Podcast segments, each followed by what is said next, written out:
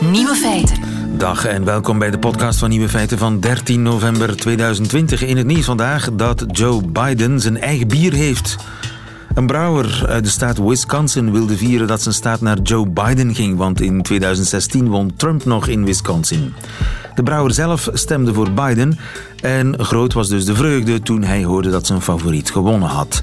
Woensdag stelde hij zijn nieuwe bier voor. Het is een blond biertje geworden dat de brouwer omschrijft als beleefd en niet bitter. Een beetje flats dus eigenlijk. Het smaakt een beetje naar Joe Biden.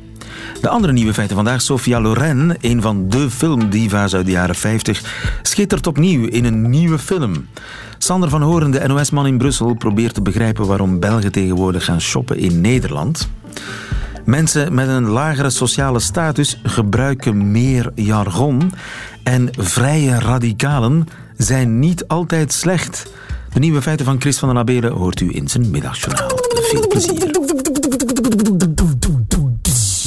Feiten. Vanaf vandaag kan je op Netflix kijken naar The Life Ahead. En The Life Ahead dat is een film met in de hoofdrol de laatste echte Hollywood diva.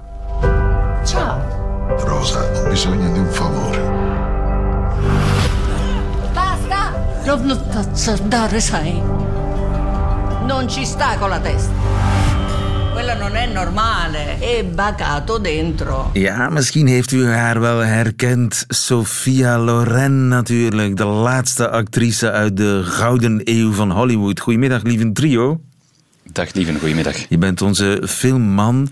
Mag ik vragen, hoe oud is La Lorraine op dit ogenblik? Zeer onbeleefde vraag natuurlijk, lieve, maar ik denk niet dat ze aan het luisteren is. Dus uh, we kunnen het wel zeggen, ze is 86 intussen, geboren in 1934. 80, dus dat is ongeveer even oud als Brigitte Bardot. Uh, ja, ik denk het wel. Hè. Ja, ik denk dat zij ook van 34 is, dus ja, dat klopt. Ze waren ooit even mooi, hè? jaren 50. Dat waren prachtvrouwen. Uh, ja, in zekere zin wel. Ik denk dat Sophia Loren ook altijd wel een, een beetje een atypische schoonheid is geweest. In die zin dat ze, toen ze klein was, werd ze uh, tandenstokertje genoemd. Dus het was een beetje spichtig enzovoort. Maar dat is natuurlijk wel helemaal veranderd toen ze uh, begon te puberen en een echte vrouw werd. Dan was ze ineens ja, dat, die voluptueuze vrouw, zoals we ze hebben leren kennen in de, in de films. Al, al bleef het altijd een beetje atypisch. Hè. Er was, ze is begonnen met misverkiezingen te doen en zo. En dan werd er toch nog regelmatig over geklaagd van ja, die vrouw kun je niet fotograferen, die, uh, haar gezicht is te kort, haar mond is te breed en haar neus te lang. Maar het is wel Nou, als ik, foto's, een... als ik foto's uit de jaren 50 google, dan uh, heb ik toch niet het idee dat er iets mis is met dat gezicht. Natuurlijk, natuurlijk was daar niks mis mee. Nee, nee, maar ik wil maar zeggen, ze, ze, ze was niet perfect, om het zo te zeggen. Maar dat is natuurlijk ook niet interessant, perfectie. Zij, had Ja. een, uh, zij heeft een, ja, een gezicht dat heel erg tot de verbeelding spreekt en een soort voluptueuze allure over Ja, haar. alleen over haar schoonheid praten zou haar natuurlijk oneer aandoen. Eh, ze was natuurlijk strikingly beautiful. Maar ze, ze, ze, ze heeft ook al heel vroeg een Oscar gewonnen, hè? Ja, ja, ja, inderdaad, voor uh, La Chochara. Ik hoop dat ik dat goed uitspreek. In 1960 was dat, denk ik. Hè.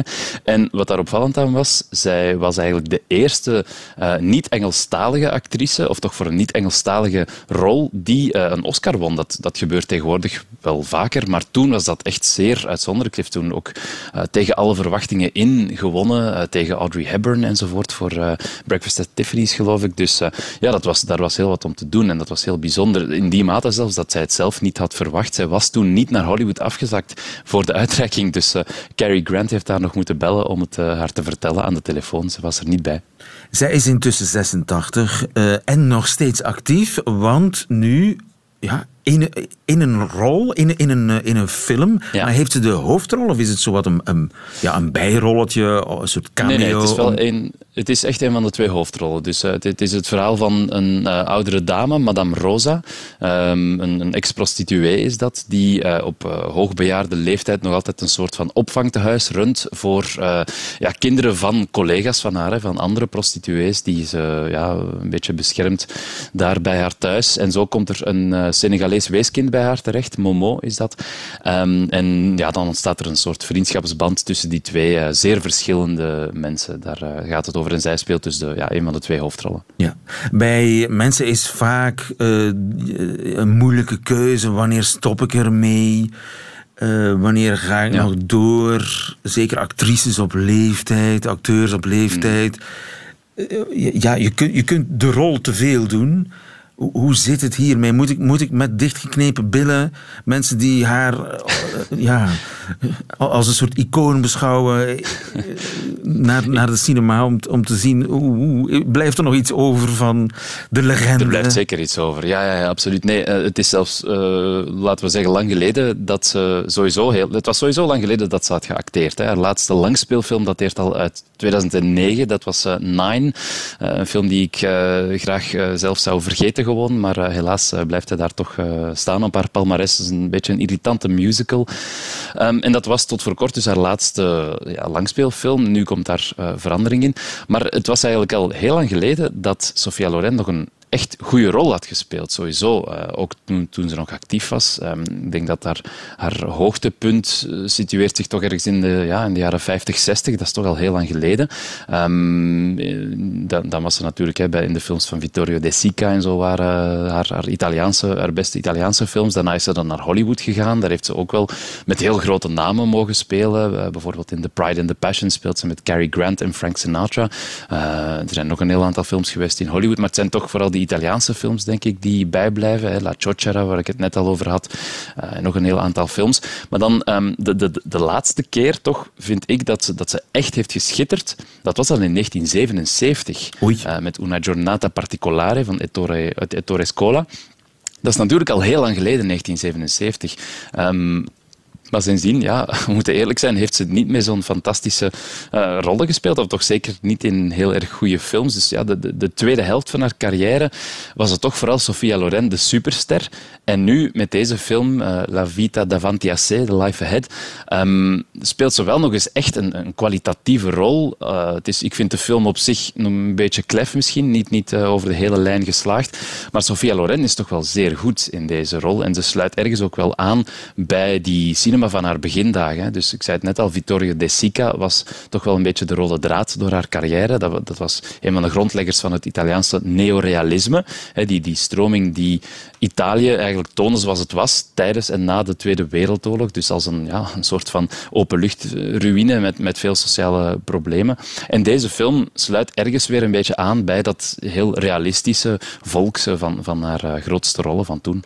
Ja, She's Stunningly Beautiful lees ik op de sociale media over deze film. Mensen die deze film gezien hebben. Ze is nog steeds even mooi.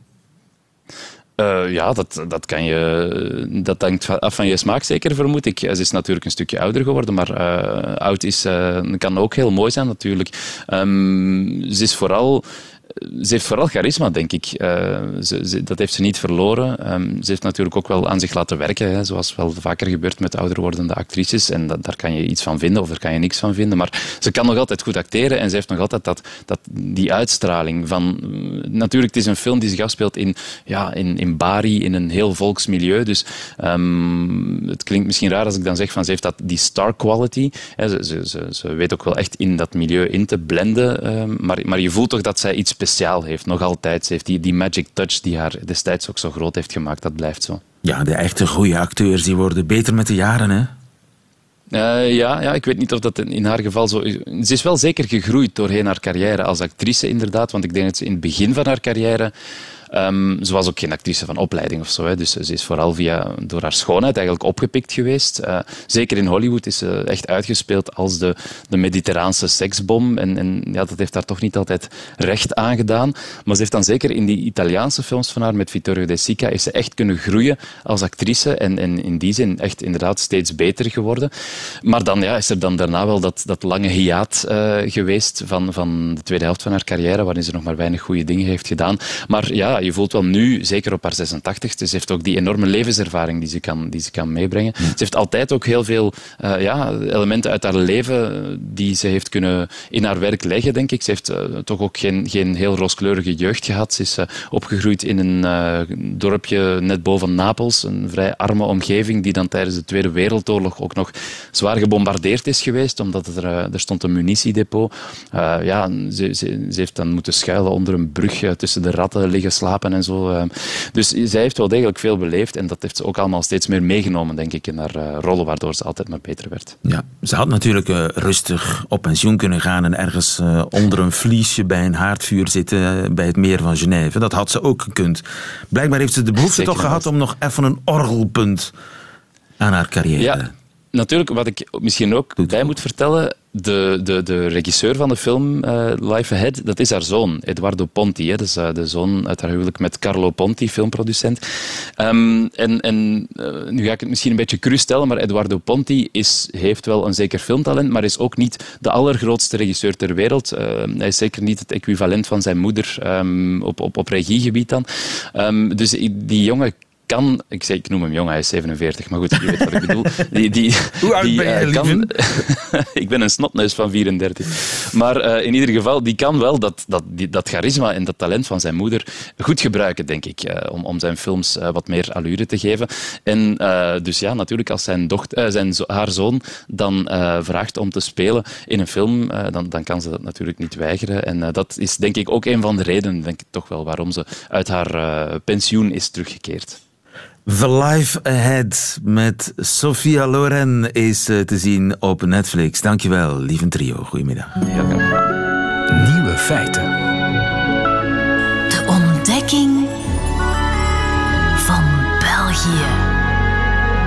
Het is weer vrijdag en dan volgen wij de ontdekkingstocht van Sander van Horen, de NOS-man eh, in Brussel, nu al een jaar of twee, drie. 2-3, ja, tegen de Intussen, drie en met stijgende verbazing ontdekt hij ons Blijft. land. Het blijft een, eh, ja, een, een, ook wel een beetje een calvarie. Toch? Want ik, ik heb het idee dat naarmate je België het on- ontdekt, je het een minder leuk land vindt.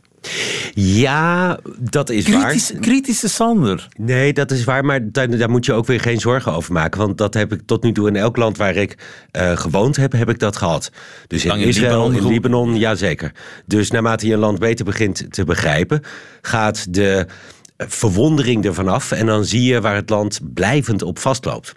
En omdat je inmiddels wel bent gaan houden van een land en van de mensen die er wonen, gaat je dat ook storen. Dat het, eh, eh, een land zichzelf tegen kan houden. Ja. Nou, en dat is in België Wie zijn natuurlijk- vriend lief heeft, spaart de roede niet. maar wat dat betreft ben ik wel heel benieuwd hoe het is als ik in Nederland weer terug ga. Want, want dat idealiseer ik nu natuurlijk. Maar volgens mij, als ik daar woon binnen de kortste keren, ben ik op hetzelfde niveau. Wat is jou deze week aan ons land opgevallen? Nou, het motto is irritatie, hè?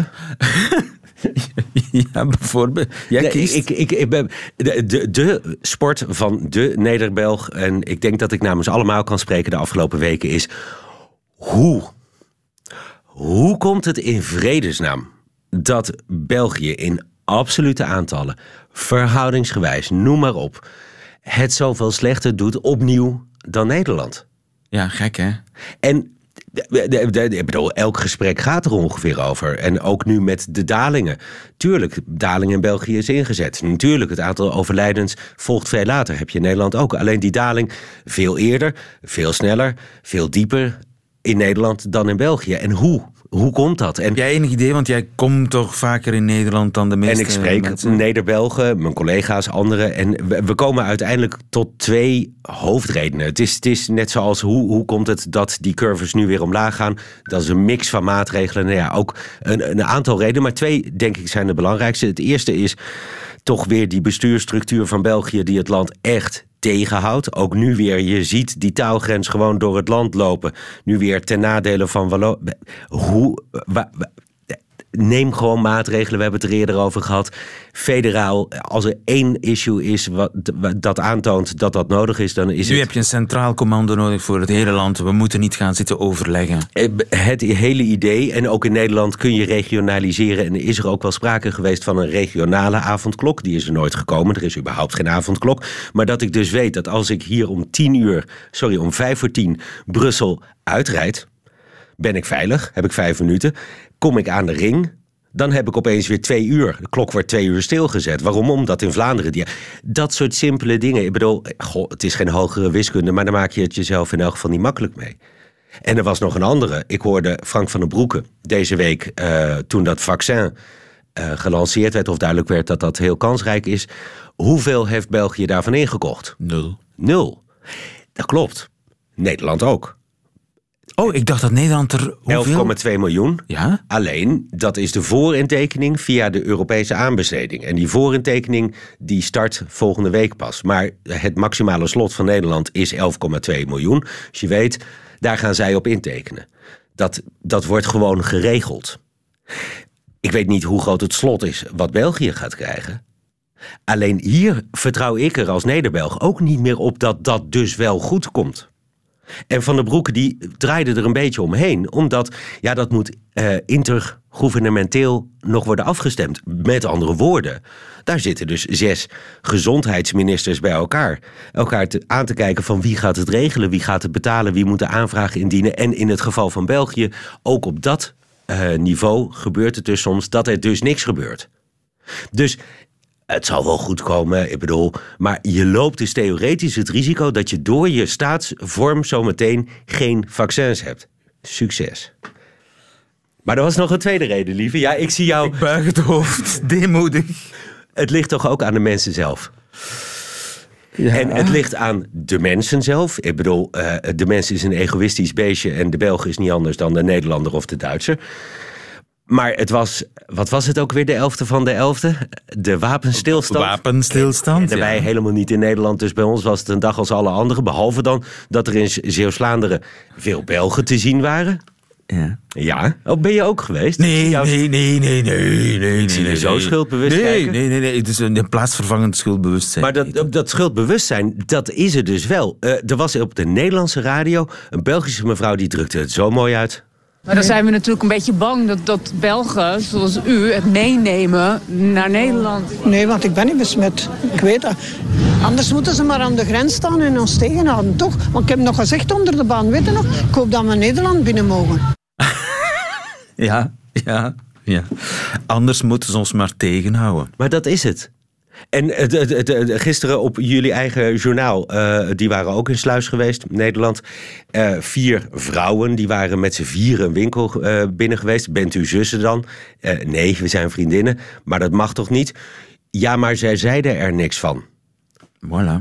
En de, de, de eikels heb je altijd, ook aan de Nederlandse kant. Ja, want er waren ook Nederland. Nederlanders in knokken, geloof ik. hè, Tuurlijk, toen het en je hebt ook de was. Nederlandse eh, feestjes eh, in de bossen met, met veel te veel mensen. En, en, eh, hè, dus, dus ik spreek Nederland absoluut niet goed. Alleen ik denk misschien dat je ehm, met gemiddelde moet kijken. En dat de gemiddelde Nederlander misschien eerder geneigd is om zich aan niet zozeer maatregelen te houden. Maar ook zelf een beetje na te denken van oké, Het is Wat? niet netjes om met z'n allen de grens over te het is steken. niet om- handig, precies. En ook, ik bedoel, hè, dat, dat, datzelfde gesprek op de Nederlandse radio... waar dat fragment net vandaan kwam. Er zaten mensen die toevallig uit de grensstreek van Nederland en Duitsland kwamen. Je hebt natuurlijk ook in Enschede, dat soort steden... heb je altijd heel veel Duitsers uit Münster, weet ik veel wat. Niet. Die kwamen niet. Dus de Duitsers zijn nog weer beter dan de Nederlanders... in het bedenken van, kan het? Ja. Mag het? Misschien. Is het handig? Nee. Maar als er geen een versperring staat, dan, dan gaan de Belgen gewoon waar de lekkernijen te krijgen zijn. Maar op lange termijn is dat dus wel link. Want, eh, ik bedoel, ook in Nederland, hè, je zag het hier Frank van der Broeke doen, het temperen van de verwachting rond dat vaccin. Nou, gisteren in Nederland kwam het nieuws dat zelfs met die, an- eh, laten we zeggen, 11,5 miljoen doses, moet je om te beginnen door twee delen, want je hebt een herhalingsshot nodig. Eh, hoe ga je dat allemaal doen? RIVM, Nederlandse Sensano, zegt dat duurt dus een jaar voordat alle Nederlanders ingeënt zijn. Goedemorgen. Dan zitten we dus nog een jaar met testen en tracen. Dat is dan, hè, maar ook, en dat zit eraan vast, zelfisolatie. Nou, ik ben benieuwd of als, als, als, als de gemiddelde Belg zich daar net zo gemiddeld aan houdt als eh, eh, die andere De regels. deur was niet op slot, dus ik ga maar op straat. Er stond geen politieman voor de deur, dus ik ben maar naar buiten gelopen. Ja, ja Sander, eh, ik kan alleen maar namens mijn vele landgenoten... En voordat iedereen denkt van die stomme Hollanders, er zijn ook hele stomme Hollanders, echt waar. Maar gemiddeld genomen, aan mij. Mijn excuses aanbieden. Sorry, sorry. Zullen we met z'n allen sorry zeggen tegen Sander, namens alle Belgen? Maar als je nou sorry wil zeggen, lieve, dan start je niet deze tune. Dan zeg je, we slaan hem een weekje over om jou te sparen. Examen Vlaams. Ik moet helaas onverbiddelijk zijn. Ja, Maar dat, dat Ik zal hem ook makkelijk weer- maken, ik zal hem zegt, makkelijk maken. Zullen we sorry zeggen en dan doe je dit? Ja, maar dit is ook om je te helpen. Oh. Wat zijn bottines? Kleine schoentjes, ge- kleine laarsjes. Kleine laarsjes, reken ik goed, ja. Hoe zeg je dat in Nederland? Kleine laarsjes. Zeg je geen kisten? Nee, ja, kisten, dat zijn eh, eh, de, de schoenen van militairen. Ja, dat zijn bottines. Bottines zijn... Ah, oké. Dus dat zijn bottines? Dat zijn bottines, oké. Dat zijn geen kleine laarsjes. Dat zijn kisten. Kisten zijn groot en onhandig en zwaar. Ja, ik wou, ik wou mild zijn, maar bottines zijn eigenlijk ja, ja, bottines Ja. zoals soldaten die dragen. Dat zijn kistjes. Botten, Ja, laarzen dus. dat zijn Ja, precies. Oké. Rond punt. Een eh, rotonde. Wauw. Ja, maar het is gewoon een rond punt. Letterlijk vertaald uit het Frans rond- rond-point. Voilà. Sletsen. Als ik daar vrij op associeer, kom ik op hele leuke dingen uit. Maar eh, De- Associeer maar vrij. nou, dat is een beetje de slet uithangen. Ik vind hem goed, maar is niet goed. Oké. Sletsen zijn eigenlijk ja, pantoffels. Pantoffels. Ja. Ja. Sloeven. Stoeven, sloffen. Ja. Ja, dus eigenlijk sletsen. Oké. Teensletsen. Slippers. Juist. Maar dat weet ik alleen maar omdat jij mij het vorige hebt uitgelegd natuurlijk. Teensletsen. Ja. Goed woord, hè? Ja, mooi. Oké, ik, ik zal mild zijn. Je, je, je hebt het... Ja, het is toch een zeven, denk ik. Een zeven. Zeven Dus ik hoef volgende week niet terug te komen. Als je absoluut niet volgende week wil terugkomen, dan mag dat. Maar ik zou het toch jammer vinden. Tot volgende week. Dag Sander. Radio 1. Nieuwe feiten. Woorden. Waar dienen woorden voor? Ja, om iets duidelijk te maken zou je denken, maar dat is niet altijd zo. Woorden dienen soms ook om te imponeren. Televisie uit de oude doos. Townley en Scarlett tot, tot Lucy Smith eh, zijn die term blijven gebruiken en hebben steeds het onderscheid blijven maken tussen art déco, wat hoog art déco zou kunnen zijn, en dergelijke historiserende stijlen, en wat zij modernistiek noemen. Historiserende stijlen en modernistiek, dat soort eh, jargonwoorden vlogen tegen de met koeienwanden beklede container. Zo heette ook het programma eind jaren tachtig. Dat mocht toen gewoon op de vaderlandse televisie jargon gebruiken. Nu is er over jargon een interessante studie gepleegd in Amerika. Goedemiddag, Wim van den Bussen. Goedemiddag. U bent eh, professor eh, Nederlandse taalkunde en taalsocioloog ook aan de VUB. Eh, in Amerika zijn de titels onderzocht van thesissen van studenten. Klopt, hebben ze gedaan. En waar zijn ze achter gekomen? Eh, er zijn onderzoekers van de um, Universiteit van Columbia en de University of Southern California die een 60.000-tal titels bekeken hebben van thesissen, van eindwerken. En ze zien dat studenten uit uh, universiteiten met een lagere status blijkbaar meer jargon gebruiken in die, tit in titels dan studenten uit universiteiten met een hogere status. Dus ze leggen een link tussen ja, het klassenprofiel van een universiteit uh, en het klassenprofiel van de studenten aan de ene kant en het feit dat die mensen meer jargon zouden gebruiken aan de andere kant. Maar ja, jargon, wetenschappers gebruiken onderling jargon, hè, gewoon omdat dat handig is. Toch? Klopt, ja. Ja, doen wij altijd. Uh, niet enkel omdat dat handig is, ook omdat het vaak uh, preciezer is. Omdat het je toelaat om heel duidelijk uit te leggen uh, wat je bedoelt. En in een aantal omstandigheden kan dat ook belangrijk zijn. Als je iets over een, een bepaalde ziekte uit wil leggen, is het belangrijk dat je heel precies kunt uitleggen welk aspect je, je, je precies wil gaan, wil gaan toelichten. Ja, dokters doen het onderling. Uh, garagisten doen het ook onderling. Hè? En bouwvakkers die gebruiken ook woorden waarvan ik zeg: wat, wat betekent het? Dus op zich is er met jargon helemaal niks fout. Hè. Het is ook geen, uh, geen tekortkoming. Uh, het gaat eigenlijk om een soort taalgebruik dat gelinkt is aan een specifieke beroepsgroep of een specifieke omstandigheid. Dat niet altijd makkelijk begrepen wordt door buitenstaanders. En dat je gebruikt om uh, heel specifieke uitleg te kunnen geven of heel duidelijk uit te kunnen leggen wat je precies bedoelt in die context. Ja, en daarom is het vreemd dat uh, studenten aan universiteiten met een lagere status dat die meer jargon in hun thesistitel stoppen dan studenten aan universiteiten met een hogere status. Dat lijkt misschien vreemd, maar zo vreemd is dat eigenlijk niet. De, de bevinding uh, is nu ook niet van die aard dat ze een aardbeving door het, het wetenschapsveld stuurt. We weten al heel lang dat mensen hun taalgedrag aanpassen aan anderen, bijvoorbeeld om indruk te maken. maar bijvoorbeeld ook om toegang te krijgen tot, tot andere groepen waar ze anders niet zo makkelijk binnen zouden komen. Vergelijk het eigenlijk met een, een, een chic feest waar je naartoe moet. je kunt daar perfect binnenstappen in een jeans en een t-shirt.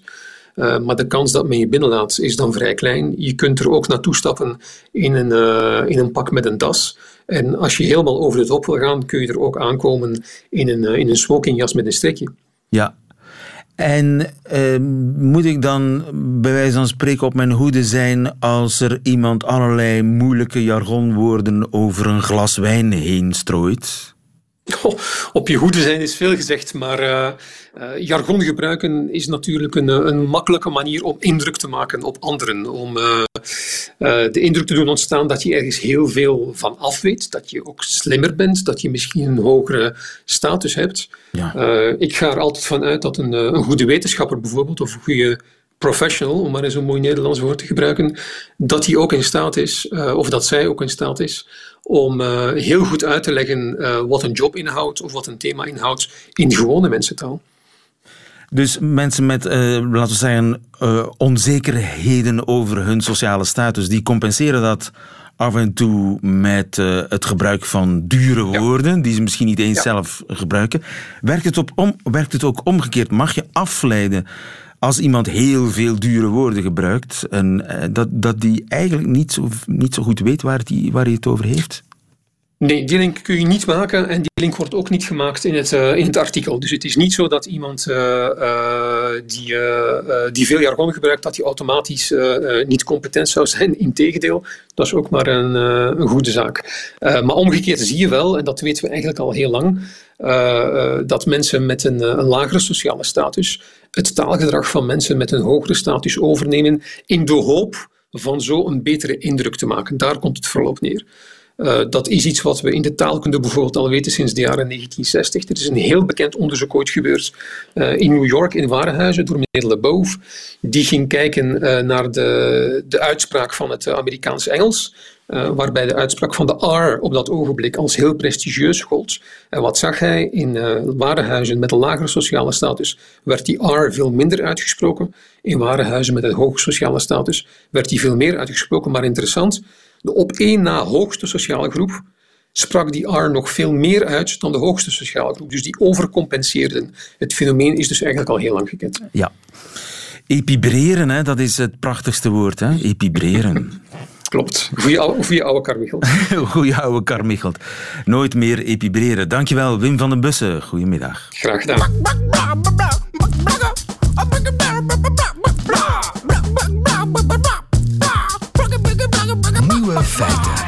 Bacteriën die zijn niet altijd slecht, of althans niet allemaal. Je hebt uh, goede bacteriën, je hebt slechte bacteriën. We kunnen niet zonder die goede bacteriën. Dat weet ik intussen. Er is, er is zelfs zoiets als goede cholesterol naar het schijnt. Maar nu blijkt dat er ook goede oxidanten bestaan. Peter van den Abelen, goedemiddag. Goedemiddag. Je bent eh, professor moleculaire biologie in Gent. Eh, het is een studie in Zweden waaruit blijkt dat bepaalde oxidanten de veroudering juist vertragen. En ik dacht dat oxidanten juist mijn lijf afbraken. Dus dat verbaasde mij een beetje. Ja, dat is inderdaad zo. Ehm, we zijn natuurlijk altijd uh, gewoon om te denken in ja, lineaire patronen. Hè. Dus als iets slecht is, dan is het altijd slecht. Maar in de biologie is het dikwijls zo dat uh, sommige zaken tegengestelde effecten kunnen hebben. Um, sommige zaken kunnen toxisch zijn, maar als ze in de juiste dosis zijn, uh, aanwezig zijn, kunnen ze ook uh, goede processen in gang ja. zetten.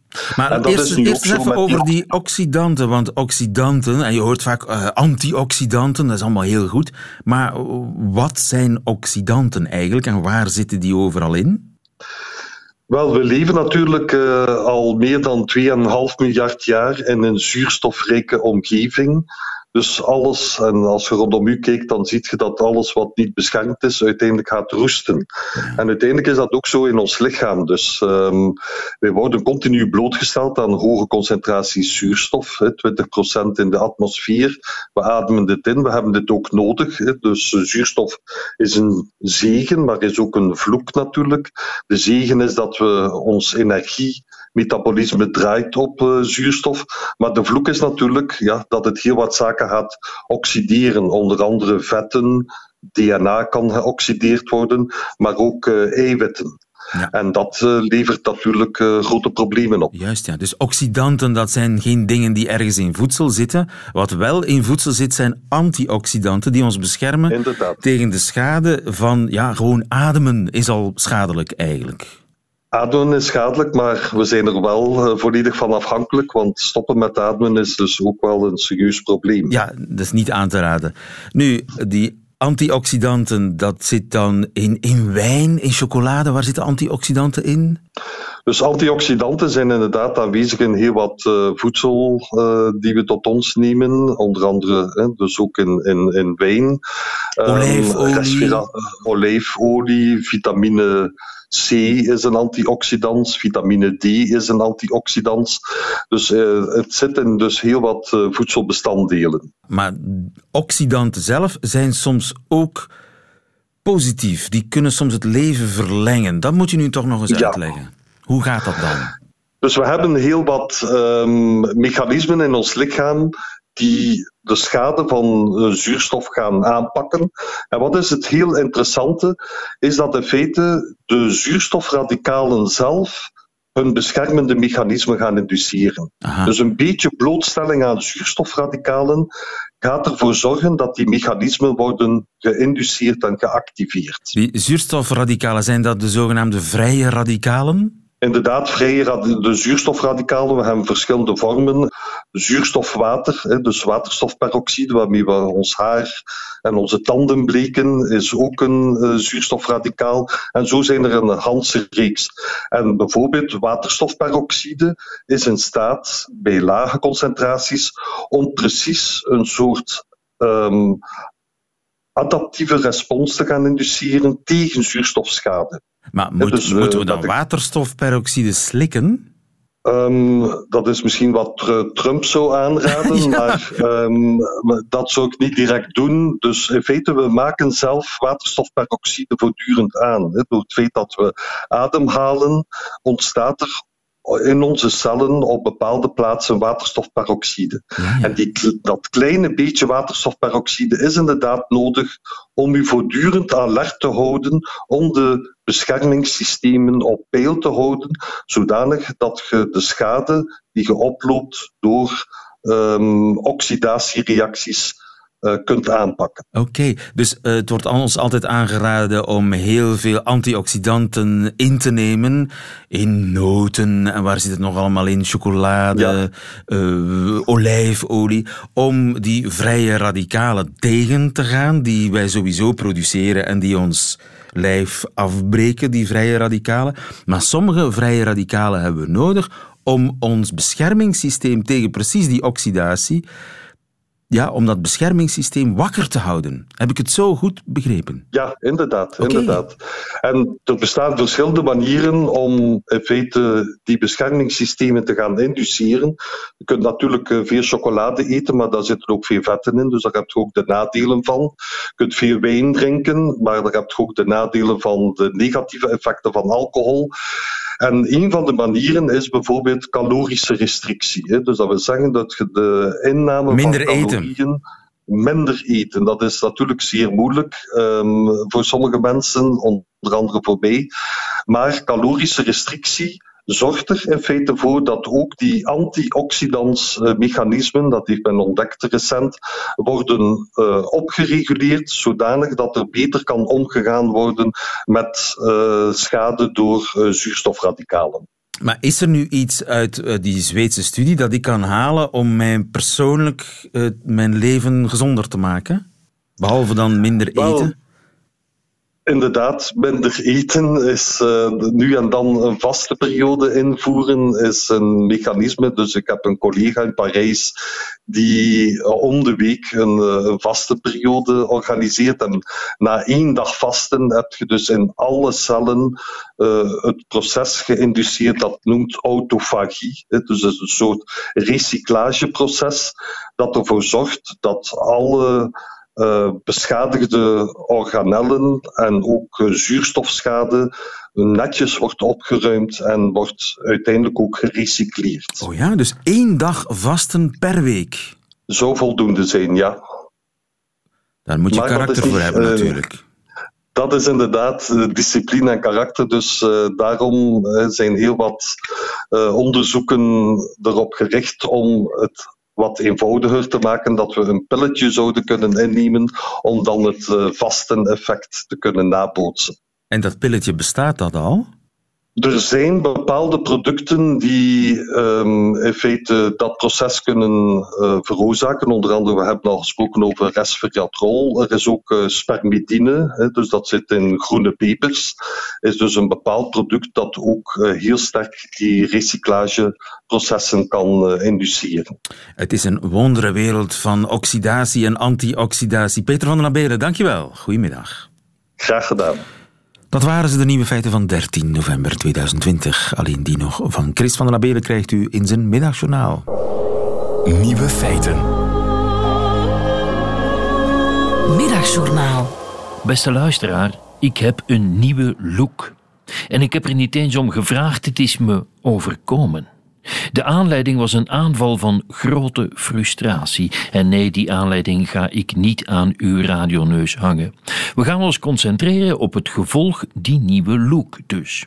Ik ben op het moment dat de frustratie het overnam van het verstand naar de badkamer gerend. Heb de tondeuze genomen, heb op de aanknop geduwd en ben vervolgens als een wilde man tekeer gegaan tegen mijn haardos.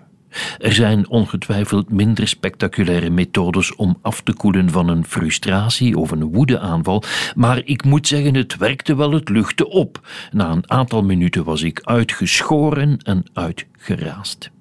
Frustratie achter de rug, maar de gevolgen dus helaas een blijver. Daar stond ik, helemaal mezelf en helemaal ridicuul te wezen. Hier en daar een pluk, die verwijderde ik dan maar. Ik heb er wat Nivea-pap opgesmeerd, in de illusie dat die kletskop er dan iets beter ging uitzien. Nee dus. Gelukkig was het avond en kon ik het duister en het bed in, vol twijfels wel. Hoe kon ik blijvende schade vermijden als het me nog eens zou overkomen? Ik besloot volgende maand maar eens een boksbal voor mezelf onder de kerstboom te leggen en viel in slaap. De dag na de frustratieaanval, beste luisteraar, was er geen vluchten meer aan. Ik moest de mensheid onder ogen komen. Kaal. Chris 2.0. De mensheid dat viel nogal mee, eerlijk gezegd. Zij die me nog nooit hadden gezien, keken me aan alsof ze me nog nooit hadden gezien. Oef. Mijn kinderen, dat was pijnlijker. De uitgeroepen woorden pa en verschrikkelijk zijn me bijgebleven. Nog een dag later stopte mijn zoon me een ouderwetse pet in de hand. Hier, probeer dat eens. Ik probeerde en ik moet zeggen, het was liefde op het eerste gezicht tussen mij en die pet. Ik draag ze binnen, ik draag ze buiten. Tegen mijn goesting zet ik ze af onder de douche of in bed. Ja, het gaat weer goed met me.